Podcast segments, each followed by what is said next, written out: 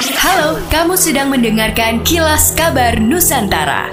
Podcast persembahan KG Radio Network menyajikan berita harian yang mengangkat keunikan dari berbagai wilayah Indonesia.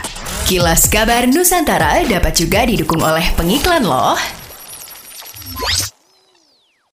Moms dan Dads ingin belajar pola asuh anak dan parenting dari ahlinya, sekaligus hiburan drama audio yang diangkat dari kisah nyata. Yuk dengerin podcast obrolan Meja Makan persembahan Media by KG Media bersama Nakita dan Nova hanya di Spotify.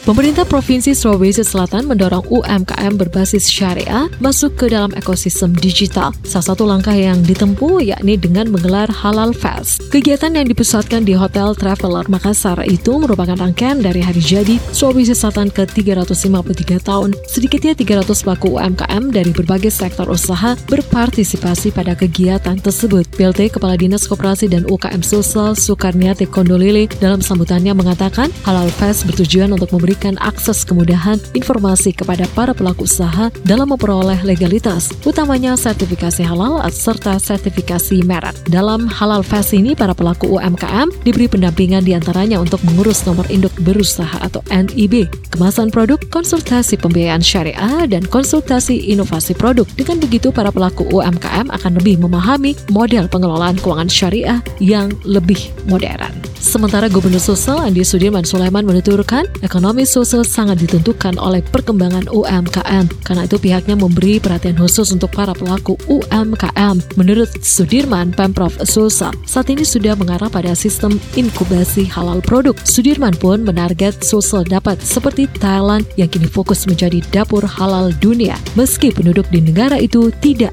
dominan Muslim. Penyerapan anggaran Kejaksaan Tinggi Kalimantan Barat pada triwulan ketiga tahun 2022 saat ini telah mencapai 83 persen dari nilai anggaran sekitar 120 miliar rupiah. Dengan nilai penyerapan anggaran tersebut, maka penyerapan anggaran Kejaksaan Tinggi Kalbar masuk dalam kategori optimal dalam penyerapan anggaran.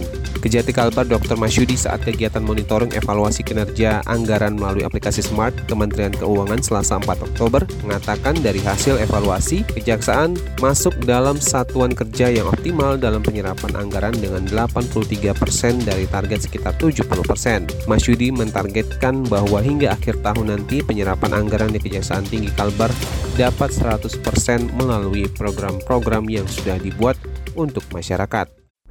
Demikianlah kilas kabar Nusantara pagi ini.